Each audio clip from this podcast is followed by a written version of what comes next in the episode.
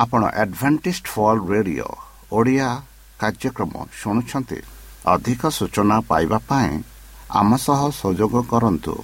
ଏକ ଆଠ ଶୂନ୍ୟ ଶୂନ୍ୟ ଆଠ ତିନି ତିନି ଦୁଇ ଦୁଇ ତିନି ଏକ କିମ୍ବା Bible at the rate of A W R dot O R G ଏହା Adventist World Radio Voice of Hope ଜୀବନଧାରା।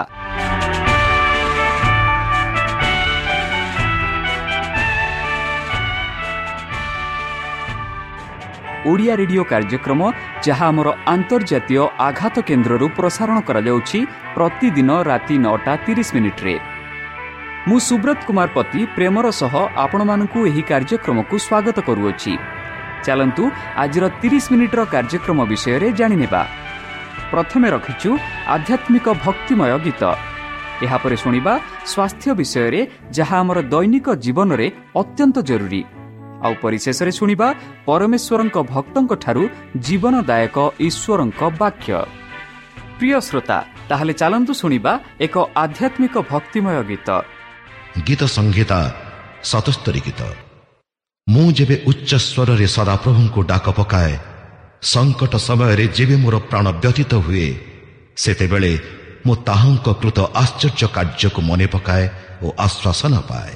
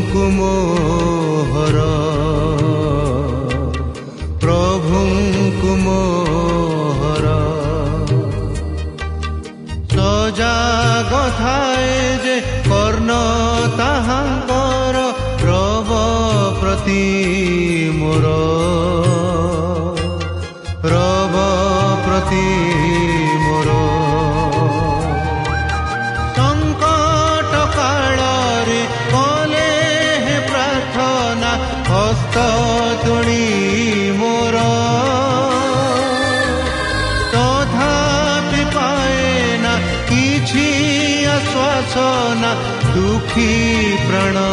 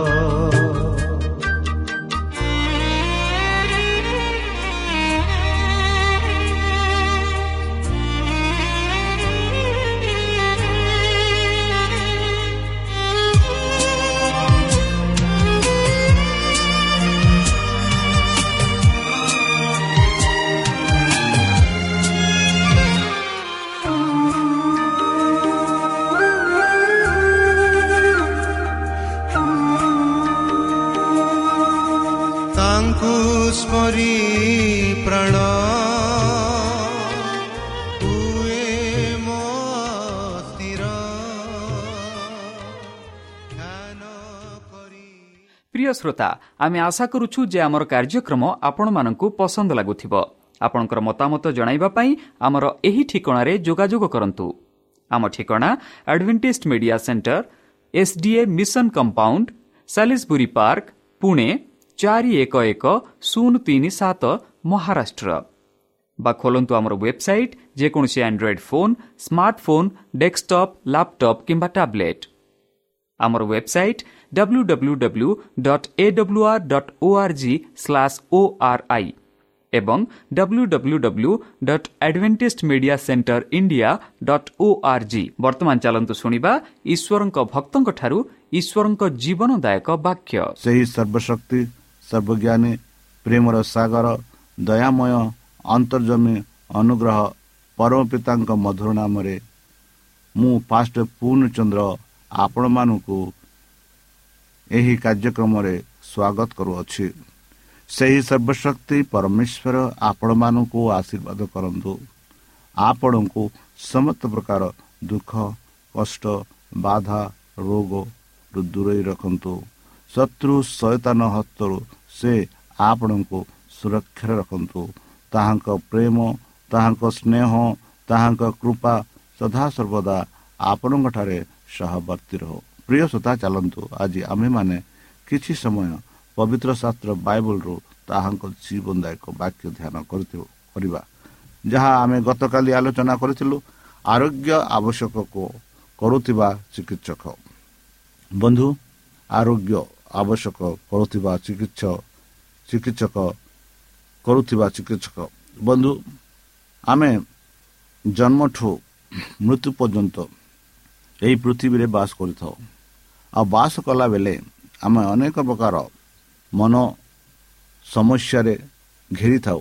ହୋଇପାରେ ମାନସିକ ହୋଇପାରେ ଶାରୀରିକ ହୋଇପାରେ ରାଜନୈତିକ ହୋଇପାରେ ଯାହା ଆମମାନଙ୍କୁ ବଢ଼ାଇବା ପାଇଁ ସାହାଯ୍ୟ କରେ ସେଥିରେ ବି ଆମେ ଏକ ଆରୋଗ୍ୟ ରୂପେ ହୋଇଥାଉ। ଯେତେବେଳେ ଛୋଟ ଛୁଆ ବା ଶିଶୁ ମାତା ଗର୍ଭରୁ ଜନ୍ମ ହୁଏ ସେହି ଶିଶୁ କାନ୍ଧେ। କାହିଁକି? ତାହାର ଭୋକ ହେଉଛି ବା ବେଳେ ବେଳେ ଯେତେବେଳେ ଶିଶୁ ଜନ୍ମ ହେଲା ପରେ ପରେ ସେ ଶିଶୁ କାନ୍ଧେ ନାହିଁ। କାରଣ ହୋଇପାରେ ତାର କିଛି ଆରୋଗ୍ୟର ଅଭାବ ଅଛି।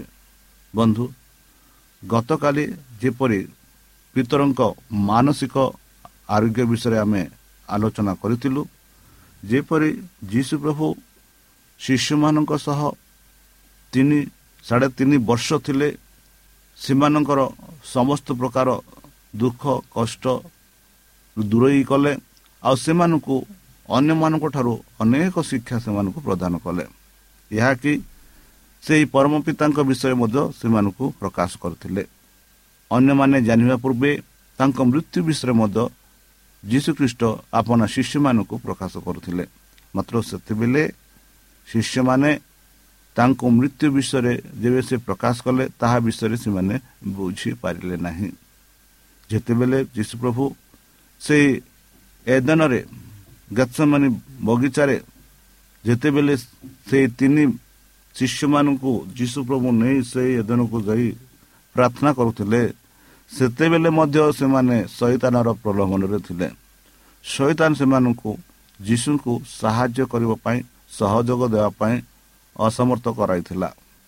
ଯେପରିକି ଯୀଶୁ ଯେଉଁ କଷ୍ଟରେ ସେ ଗତି କରୁଛନ୍ତି ସେହି କଷ୍ଟକୁ ଏମାନେ ଏକ ସହାୟକ ରୂପେ ସାହାଯ୍ୟ କରିବାର ଆବଶ୍ୟକ ଥିଲା ତାହା ମଧ୍ୟ ସେମାନେ କରିପାରିଲେ ନାହିଁ। ଯେଉଁ କଷ୍ଟ ଯେଉଁ ବାଧା ଯୀଶୁଖ୍ରୀଷ୍ଟ ଭୋଗିବାକୁ ଯାଉଛନ୍ତି ତାହା ବିଷୟରେ ପରମ ପିତାଙ୍କ ଠାରେ ସେ ପ୍ରାର୍ଥନା କରୁଥିଲେ। ଏମିତି ପ୍ରାର୍ଥନା କରୁଥିଲେ ହେଲେଞ୍ଜି ହ୍ୱାଇଟ୍ କହନ୍ତି ତାଙ୍କ ଯେଉଁ ଝାଳ ରକ୍ତ ପରି ଟୋପା ଟୋପା ହୋଇ ତଳରେ ପଡ଼ୁଥିଲା ବୋଲି। ବନ୍ଧୁ ଯୀଶୁଖ୍ରୀଷ୍ଟ ଗ୍ରହଣ ହେବା ପୂର୍ବେ ଯେଉଁ ବାଧାରେ ସେ ଗତି କରୁଥିଲେ ତାହା ସେହି ଗତିରେ ଯଦି ଆମେ ନିଜକୁ ଦେବା ତେବେ ସେହି ବିଷୟ ଆମେ ଜାଣିବା। ଯୀଶୁ ପ୍ରଭୁ ନିଜକୁ ପ୍ରାଣ ଦେଇ ସେହି କୃଷରେ ହତ ହେଲେ। ଆଉ ସେହି ସମୟ ପିତର ଆଉ ଜହନ ଯେଉଁ ପିତର ସେଇ ଯେଉଁ ଯୀଶୁଙ୍କ ପଛ ପଛେ ପଛ ପଛେ ଗଲେ ସେହି ସୈନିକ ମାନଙ୍କ ପଛ ପଛେ ଗଲେ ଆଉ ଯେଉଁଠି ଯୀଶୁଙ୍କୁ ବିଚାର ହେଉଥିଲା ସେହି ସ୍ଥାନକୁ ଯାଇପାରିଲେ ନାହିଁ। ମାତ୍ର ଜହନ ଗଲେ। ଜହନ ସେହି ସବୁ ସାକ୍ଷାତ କରୁଥିଲେ। ଦେଖୁଥିଲେ। ଆଉ ତାର ସାହସ ହୋଇପାରିଲାନି କି ସେ କହିପାରିଲେନି କି ଯୀଶୁ କି ପ୍ରକାର ସୌନ୍ଦର୍ଯ୍ୟ କାର୍ଯ୍ୟ ଗୁଡ଼ାକ କରୁଥିଲେ ତାହା ବିଷୟରେ ସେ ସାକ୍ଷାତ ଦେଇପାରିଲେ ନାହିଁ। ଆଉ ପିତର ଏଠି ଆମେ ଦେଖୁଅଛୁ। ପିତରକୁ ଯେବେ ପ୍ରଶ୍ନ କରାଗଲା ସେ ଅସ୍ୱୀକାର କରିଥିଲେ। କାହିଁକି? ଯେହେତୁ ସେ ଶୈତାନର ପ୍ରଲୋଭନରେ ଥିଲେ। ସେ ଶୈତାନର ହସ୍ତରେ ଥିଲେ। ଶୈତାନ ତାକୁ ସମ୍ଭାଳୁଥିଲା। ଆଉ ଶୈତାନ ଅଧୀନରେ ଥିଲେ ଆଉ ଯାହା ଯାହା ସେ କରୁଥିଲେ ଭୁଲ କରୁଥିଲେ। ମାତ୍ର ଯେବେ ଯୀଶୁଙ୍କର ସେହି କମଳ ସେହି ଦୟା ସେହି କୃପା ସେହି ଅନୁଗ୍ରହର ଚେହେରା ଦେଖିଲେ ସେତେବେଳେ ଯୀଶୁ ପ୍ରଭୁକୁ ଦେଖିଲେ ସେତେବେଳେ ପିତର ଯୀଶୁ ପ୍ରଭୁଙ୍କ ବିଷୟରେ ବୁଝିପାରିଲେ।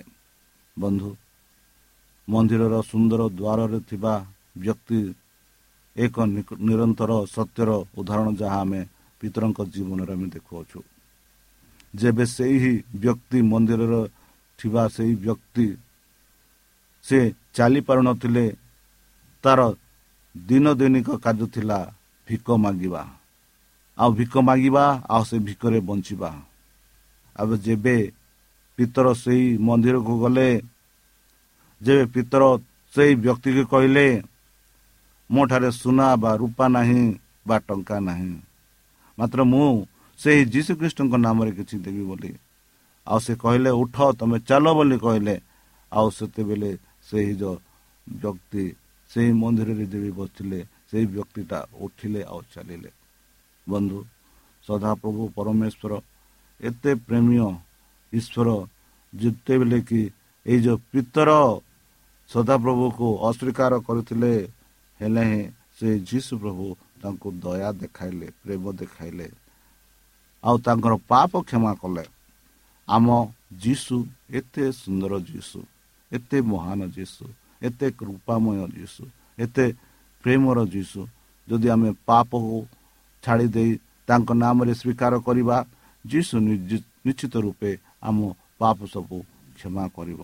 ବନ୍ଧୁ ତାଙ୍କର ବା ଯୀଶୁଙ୍କ ନାମରେ ଆମେ ଯଦି ବିଶ୍ୱାସ କରିବା ସେ ଆମମାନଙ୍କୁ ମାର୍ଗ ଦେଖାଇବେ ସତ୍ୟ ଦେଖାଇବେ। ଆମମାନଙ୍କୁ ଆମମାନଙ୍କ ଜୀବନ ଯାହା ଯାହା ଆମେ କାର୍ଯ୍ୟ କରୁଛୁ ସେଥିରେ ଆମେ ଉପଲବ୍ଧ ହୋଇପାରିବା ବା ସଫଳତା ପାଇପାରିବା। ଯୀଶୁଙ୍କ ନାମରେ ବିଶ୍ୱାସ ହିଁ ସେଇ ଯେଉଁ ବ୍ୟକ୍ତି ଯେଉଁ ମନ୍ଦିର ଭିତରେ ବସିଥିଲା ଯେବେ ପିତର କଲେ ମୋ ଠାରେ ସୁନ ନାହିଁ ରୂପା ନାହିଁ ଟଙ୍କା ନାହିଁ ମାତ୍ର ଯୀଶୁଙ୍କ ନାମରେ ମୁଁ ଏହିପରି ଆଦେଦ ଅଛି କି ତୁମେ ଉଠ ଚାଲ। ଆଉ ସେହି ବାକ୍ୟରେ ସେହି ବିଶ୍ୱାସ କଲେ ସେହି ବିଶ୍ୱାସରେ ସେହି ଲୋକଟା ଉଠିଲେ ଚାଲିଲେ ସେ ମନ୍ଦିରରୁ ଯୀଶୁଙ୍କ ନାମରେ ଗାଇ ଗାଇ ସେ ମନ୍ଦିରକୁ ପ୍ରବେଶ କଲେ ବୋଲି ଆମେ ଦେଖୁଅଛୁ ଏହା ହିଁ ଏକ ମାର୍ଗ ଥିଲା ବନ୍ଧୁ। ଯାହା ମାଧ୍ୟମରେ ପରମେଶ୍ୱର ଆଚାର୍ଯ୍ୟ ସୃଷ୍ଟି କାର୍ଯ୍ୟ ଆଶ୍ଚର୍ଯ୍ୟ ସୃଷ୍ଟି କରିଥିଲେ ଯାହା ପିତର ଏହା ଅନୁଭବ କଲେ। ଯାହା ଆମେ କାଲି ଦେଖିଥିଲୁ ବନ୍ଧୁ କି ସେହି ପିତର ସେହି ଯୀଶୁଙ୍କ ନାମରେ ତିନିଥର ଅସ୍ୱୀକାର କରିଥିଲେ କି ମୁଁ ଯୀଶୁ ଖ୍ରୀଷ୍ଟଙ୍କୁ ଜାଣେ ନାହିଁ ବୋଲି। ଆଉ ବର୍ତ୍ତମାନ ବର୍ତ୍ତମାନ ସେହି ପିତର ଯୀଶୁଙ୍କ ନାମରେ ଆଚାର୍ଯ୍ୟ କାର୍ଯ୍ୟ କରୁଛନ୍ତି ବନ୍ଧୁ। ଯେବେ ଆମେ ଯୀଶୁ ଖ୍ରୀଷ୍ଟଙ୍କ ଠାରେ ବିଶ୍ୱାସ କରୁ ଯେବେ ଆମ ବିଶ୍ୱାସ ତାଙ୍କଠାରେ ରହିଥାଏ ଆମେ ଯୀଶୁଙ୍କ ନାମରେ ଅନେକ ଆଚାର୍ଯ୍ୟ କାର୍ଯ୍ୟ କରିପାରିବା। ଖାଲି ଆମେ ଯୀଶୁଙ୍କ ଠାରେ ବିଶ୍ୱାସ କରିବାର ଆବଶ୍ୟକ। ଆମେ ଯୀଶୁଙ୍କଠାରେ ନିଜ ପାପକୁ ସ୍ୱୀକାର କରିବା ଆବଶ୍ୟକ ଆମେ ଯୀଶୁଙ୍କଠାରେ ଆମ ପାପ ସବୁ ତାଙ୍କ ପାଦ ତଳେ ଥୋଇବାର ଆବଶ୍ୟକ ଆମେ ଯେବେ ଯେବେ ଆମ ପାପ ସବୁ ତାଙ୍କ ପାତଳେ ଥୋଇଦେବା ଯୀଶୁ ପ୍ରଭୁ ଆମ ପାପ ସବୁ କ୍ଷମା କରିବେ ସେହିପରି ଯୀଶୁଙ୍କ ସେହିପରି ପିତରଙ୍କ ଜୀବନରେ ଘଟିଥିଲା ଆଉ ବର୍ତ୍ତମାନ ଆମେ ଦେଖୁଛୁ ଯୀଶୁ ଯେବେ ସେହି ଲୋକକୁ କହିଲେ ତମେ ଉଠ ଆଉ ଚାଲ। ସେ ଉଠିଲା ଚାଲିଲା। ଯାହା ଘଟିଥିଲା ସେଥିରୁ ମଣିଷର କୌଣସି ଗୌରବ ମିଳି ନଥିଲା ବନ୍ଧୁ ନା ଆରୋଗ୍ୟ ଲାଭ କରୁଥିବା ବ୍ୟକ୍ତିଙ୍କ ପ୍ରତି କାରଣ ତାଙ୍କର ବିଶ୍ୱାସ ଆଦ୍ୟ କାର୍ଯ୍ୟକାରୀ ହୋଇନଥିଲା ପୀଡ଼ିତମାନଙ୍କ ପ୍ରତି କେହି ନୁହନ୍ତି ଯେପରି ସେମାନେ ସ୍ପଷ୍ଟ ଭାବରେ ଘୋଷଣା କରିଥିଲେ। ବନ୍ଧୁ ଯେବେ ପିତରଙ୍କ ଜୀବନରେ ଆମେ ଦେଖିବା ବନ୍ଧୁ ଯେବେ ତାଙ୍କଠାରେ ତାଙ୍କ ବିଶ୍ୱାସଟା ଯୀଶୁଙ୍କଠାରେ ଏକ ଘନିଷ୍ଠ ରୂପେ ଗଠିତ ହେଲା ଲୋକେ ପିତରଙ୍କ ପାଖକୁ ଅନେକ ରୋଗୀମାନେ ଆଣିଥିଲେ। ଯେପରି ସେମାନେ ଚାହୁଁଥିଲେ କି ପିତରଙ୍କ ଛାୟା ଯଦି ପଡ଼ିବ ସେ ଲୋକମାନେ ଭଲ ହେବେ ବୋଲି। ଆପଣ ଯଦି ପ୍ରେରିତ ପୁସ୍ତକ ପଢ଼ିବେ ସେଠି ଆପଣ ସୁସ୍ଥ ଭାବରେ ପାଇବେ ବନ୍ଧୁ। ବନ୍ଧୁ ଏହି ସଂକ୍ଷିପ୍ତ ଅଧ୍ୟାୟରେ ଆମେ ଅନ୍ୟ ଜଣେ ବ୍ୟକ୍ତିଙ୍କ ସାକ୍ଷାତ କରୁଛୁ ଯାହାର ଅତ୍ୟନ୍ତ ଯଥେଷ୍ଟ ମାନବିକ ଦାନ ଅଛି ଯାହାକୁ ପରମେଶ୍ୱର ତାଙ୍କର ସର୍ବଜ୍ଞାନ ଜ୍ଞାନରେ ତାଙ୍କ ରାଜ୍ୟ ପାଇଁ ଏକ ମହାନ କାର୍ଯ୍ୟ କରିବାକୁ ନିଯୁକ୍ତ କରିଥିଲେ। ତାରସରୁ ସାଉଳ ଜଣେ ହିବ୍ରୁ ଥିଲେ ବନ୍ଧୁ ଯିଏକି ବହୁତ ପ୍ରଶିକ୍ଷଣ ଏବଂ ଲାଭଦାୟକ ଥିଲେ। କିଏ? ସେଇ ବ୍ୟକ୍ତି ତାରସରୁ ଥିଲେ। ଆଉ ସେ ଜଣେ ବ୍ୟକ୍ତି ହିବ୍ରୁ ଥିଲେ। ତାହା ନୁହେଁ ସେ ବହୁତ ପ୍ରଶିକ୍ଷଣ ଏବଂ ଲାଭଦାୟକ ଥିଲେ ମାନେ ବହୁତ ଶିକ୍ଷିତ ବି ଥିଲେ। ସେହି ବିଶିଷ୍ଟ ଶିକ୍ଷକ ଗାମାଲିୟଙ୍କ ସହ ଅଧ୍ୟୟନ କରିଥିଲେ ସେ କି ସେ ସମୟରେ ସେହି ଗାମାଲିୟନ ଶିକ୍ଷକ ଏକ ବିଶିଷ୍ଟ ଶିକ୍ଷକ ଥିଲେ। ତାଙ୍କ ଅଧୀନରେ ତାଙ୍କ ସହ ତାଙ୍କ ଅଧୀନରେ ସେ ପଢ଼ିଥିଲେ ବୋଲି ଆମେ ଦେଖୁଅଛୁ। ସେ ଜଣେ ରୋମିଓ ନାଗରିକ ଥିଲେ କିଏ ସାଉଲ। ଜଣେ ଯୁବକ ଭାବରେ ତାଙ୍କ ପାଖରେ ନେତୃତ୍ୱର ଗୁଣ ଥିଲା। ଯୁବକ ଭାବରେ ସାଉଲଙ୍କ ପାଖରେ ଏକ ନେତୃତ୍ୱ ଗୁଣ ଥିଲା ଯାହା ତାଙ୍କୁ ବିଦ୍ରୋହୀ ଖ୍ରୀଷ୍ଟିଆନ ଗୋଷ୍ଠୀକୁ ନିପାତ କରିବାର ପ୍ରୟାସରେ ଅଗ୍ରଣୀ ସ୍ଥାନକୁ ଆଣିଲା ଆଣିଥିଲା। ବନ୍ଧୁ ସେ ଯେପରି ଆମେ ଦେଖିଲୁ ତାଙ୍କ ପାଖରେ ନେତୃତ୍ୱ ଗୁଣ ଥିଲା। ଏଥିଯୋଗୁଁ ଯେଉଁ ଲୋକେ ଯୀଶୁ ଖ୍ରୀଷ୍ଟଙ୍କଠାରେ ବିଶ୍ୱାସ କରୁଥିଲେ ସେଇ ଯେଉଁ ବିଶ୍ୱାସୀ ଗୋଷ୍ଠୀମାନଙ୍କୁ ନିତାପ କରିବା ପାଇଁ ପ୍ରୟାସ ଆଗ୍ରହୀ ସ୍ଥାନରେ ସେ ଆଣିଥିଲା। ଖ୍ରୀଷ୍ଟିଆନ ମାନଙ୍କୁ ଧ୍ୱଂସ କରିବା ପାଇଁ ସେ ତାଙ୍କର ଭର୍ଜନା ଜନକ ପ୍ରୟାସରେ ପରମେଶ୍ୱରଙ୍କ ଉଦ୍ଦେଶ୍ୟ ପୂରଣ କରୁଛନ୍ତି ବୋଲି ସେ ବୋଧ ହୁଏ ଭାବୁନଥିଲେ ବନ୍ଧୁ। ଯଦି ଆପଣମାନେ ପ୍ରେରିତ ସାତ ବାବନ ପଡ଼ିବେ ପବିତ୍ର ଶାସ୍ତ୍ରରେ ପାଉଳଙ୍କ ବିଷୟରେ ଏହା ପ୍ରଥମ ଉଲ୍ଲେଖ କରାଯାଇଅଛି ବନ୍ଧୁ। ଆପଣଙ୍କ ଯଦି ସମୟ ଅଛି ପ୍ରେରିତ ପାଉଲଙ୍କ ଲିଖିତ ପୁସ୍ତକ ପ୍ରେରିତ ସାତ ସତାବନ ଯଦି ପଢ଼ିବେ ସେଠି ପାଉଲଙ୍କ ପ୍ରଥମ ଥର ଲେଖାଯାଇଥିବା ଯିଏକି ପାଉଲର ନାମ ଥିଲା ସାଉଳ ତାଙ୍କ ବିଷୟରେ ଆମେ ଦେଖୁଅଛୁ ସେଥିରେ ଆମେ ପାଉଛୁ ସେ ଯେଉଁ ସାଉଳ ସେଇ ଯେଉଁ ଦମସ୍କ ସହରକୁ ଯାଉଥିଲେ ସେଇ ଦମସ୍କ ସହର ପହଞ୍ଚିବା ପୂର୍ବେ ରାସ୍ତା ମଝିରେ ଯାହା ଯାହା ଘଟିଥିଲେ ଘଟିଥିଲା ଯେତେବେଳେ କି ସେହି ସାଉଳ ଯୀଶୁଖ୍ରୀଷ୍ଟଙ୍କ ସହିତ ସାକ୍ଷାତ ହେଲେ ଯେତେବେଳେ ଯୀଶୁଖ୍ରୀଷ୍ଟ ତାକୁ ଏହିପରି କହିଥିଲେ କି ତୁମେ ଦମସ୍କାକୁ ଯାଅ ଆଉ ସେଠି ତୁମର ଜଣେ ଲୋକ ଜଣେ ଭବିଷ୍ୟତ ଭକ୍ତ ଆସି ତୁମେ ଯେଉଁ ପରିସ୍ଥିତିରେ ବର୍ତ୍ତମାନ ଅଛ ସେହି ପରିସ୍ଥିତିରୁ ତୁମକୁ ଦୂରେଇ କରିବ ବୋଲି। ବନ୍ଧୁ ଆପଣ ପଢ଼ନ୍ତୁ। ପୀଡ଼ିତ ସାତ ପର୍ବ। ପବିତ୍ର ଶାସ୍ତ୍ରରେ ସାଧୁ ପାଉଲଙ୍କ ବିଷୟରେ ଏହା ପ୍ରଥମ ଉଲ୍ଲେଖ ହୋଇଅଛି। ପାଉଲ ଷ୍ଟିଭେନଙ୍କ ଶହୀଦର ତାଙ୍କ ଏକ ପ୍ରତିନିଧି ବିଷୟରେ ଏଠାରେ ଅନୁଭବ କରାଯାଇଅଛି। ବନ୍ଧୁ ଷ୍ଟିଭେନଙ୍କ କାହାଣୀ ଯଦି ଆପଣ ଦେଖିବେ ସେ ଜଣେ ଡିକନ ଥିଲେ। ମଣ୍ଡଳୀରେ ଜଣେ ଡିକେନ ଥିଲେ। ଆଉ ସେ ସଦାପ୍ରଭୁଙ୍କ ବାକ୍ୟ ପ୍ରଚାର କରୁଥିଲେ। ଏବେ ଯେବେ ସଦାପ୍ରଭୁଙ୍କ ବାକ୍ୟ ପ୍ରଚାର କରୁଥିଲେ ଆଉ ଅନ୍ୟ ଯୁହୁଦୀମାନଙ୍କୁ ବର୍ଜନା କରି କହୁଥିଲେ ଏହା ଆମେ ଦେଖୁଛୁ ଷ୍ଟିଫନଙ୍କ କାହାଣୀରେ ତାକୁ ପଥର ଦ୍ୱାରା ମରାଯାଇଥିଲା। ସମ୍ଭବତଃ ଚର୍ଚ୍ଚର ପରସ କର୍ତ୍ତା ପରିକାରୀ ସାଉଲଙ୍କ ଠାରୁ ସୁସମାଚାର ପ୍ରବର୍ତ୍ତକ ପାଉଲ ନିକଟରୁ ପରିବର୍ତ୍ତନରେ ଈଶ୍ୱରୀୟ କୃପାର ଶକ୍ତି ପ୍ରଦାନ କରିବାର ଏକ ଆକାରିତ ଥିଲା ବନ୍ଧୁ।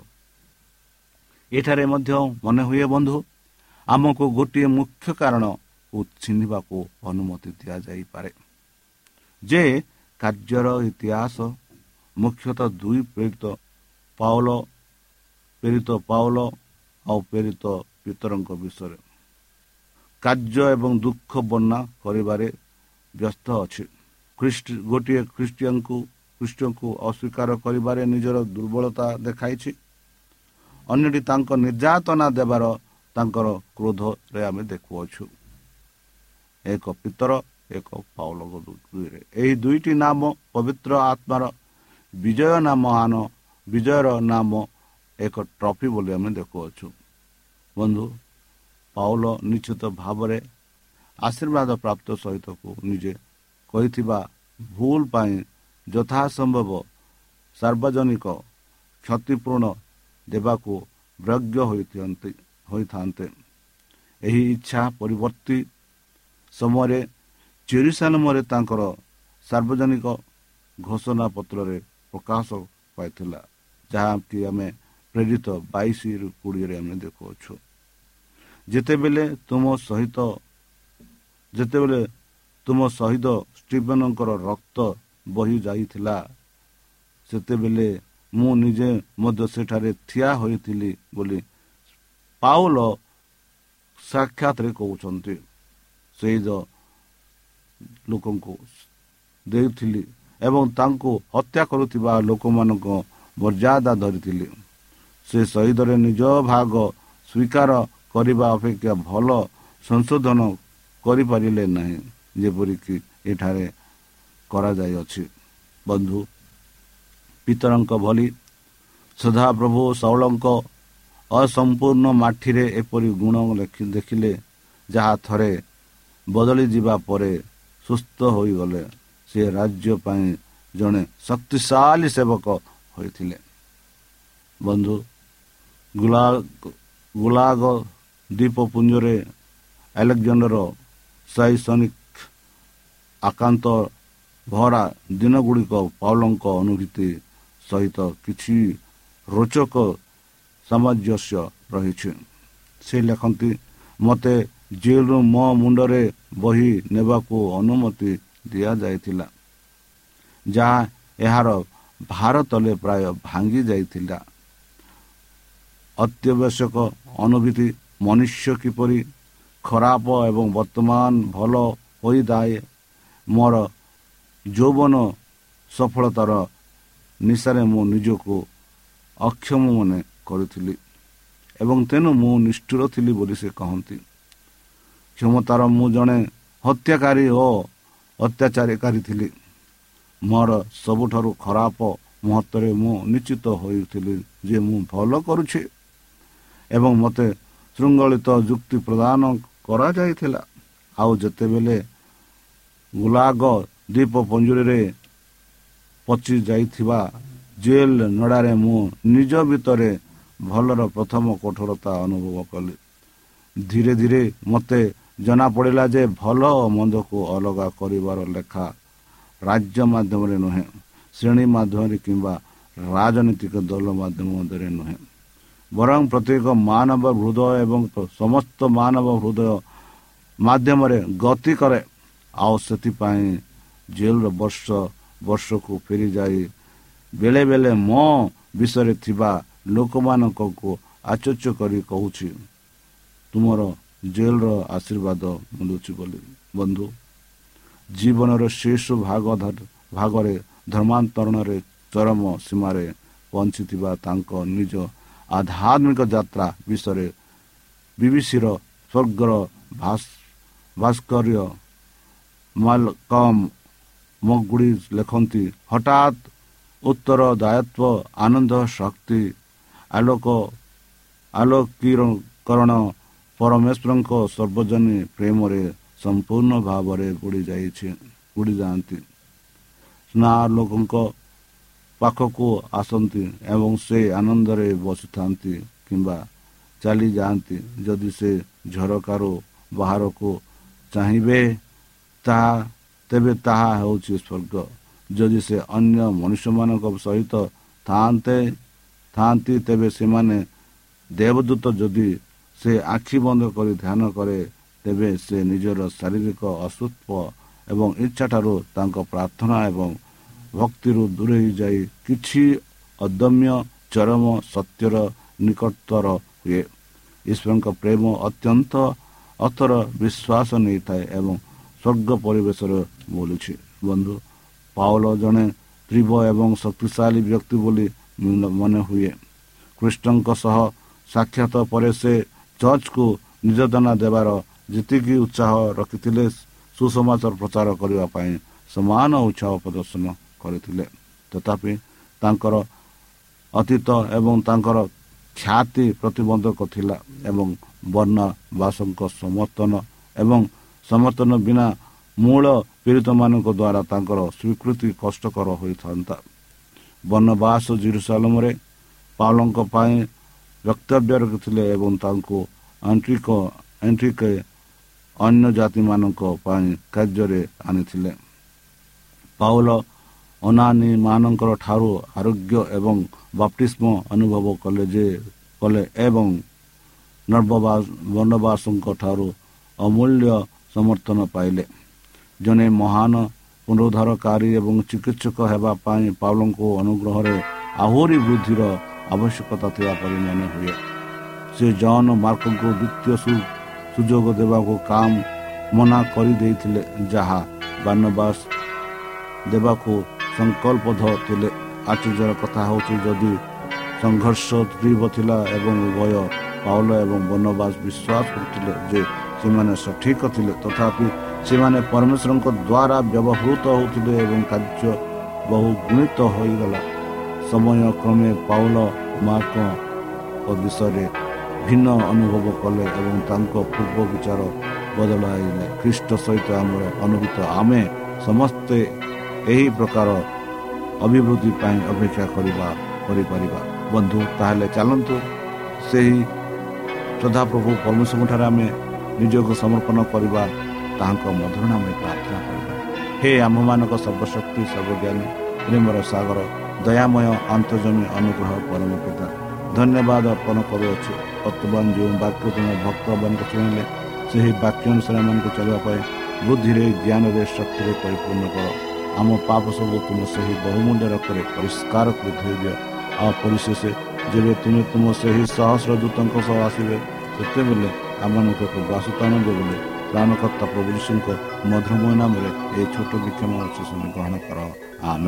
ପ୍ରିୟ ଶ୍ରୋତା ଆମେ ଆଶା କରୁଛୁ ଯେ ଆମର କାର୍ଯ୍ୟକ୍ରମ ଆପଣମାନଙ୍କୁ ପସନ୍ଦ ଲାଗୁଥିବ।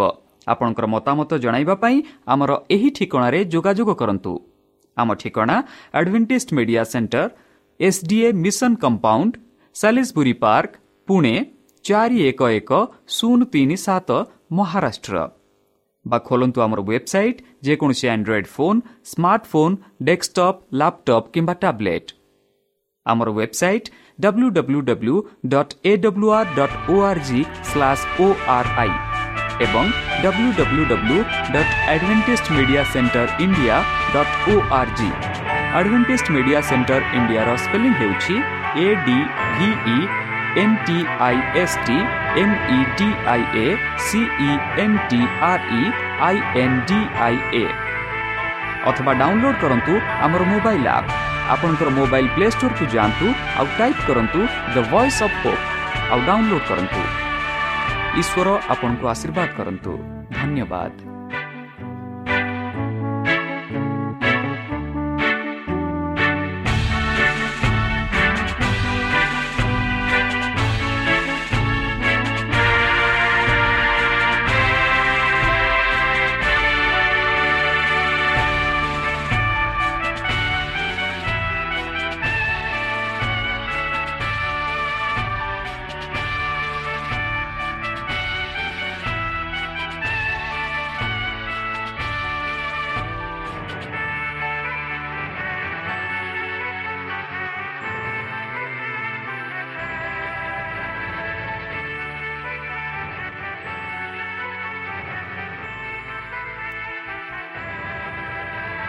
ଆପଣ ଆଡଭେଣ୍ଟିସ୍ଡ ଫଲ୍ ରେଡିଓ ଓଡ଼ିଆ କାର୍ଯ୍ୟକ୍ରମ ଶୁଣୁଛନ୍ତି। ଅଧିକ ସୂଚନା ପାଇବା ପାଇଁ ଆମ ସହ ସଂଯୋଗ କରନ୍ତୁ। ଏକ ଆଠ ଶୂନ୍ୟ ଶୂନ୍ୟ ଆଠ ତିନି ତିନି ଦୁଇ ଦୁଇ ତିନି ଏକ କିମ୍ବା Bible at the rate of A W R dot O R G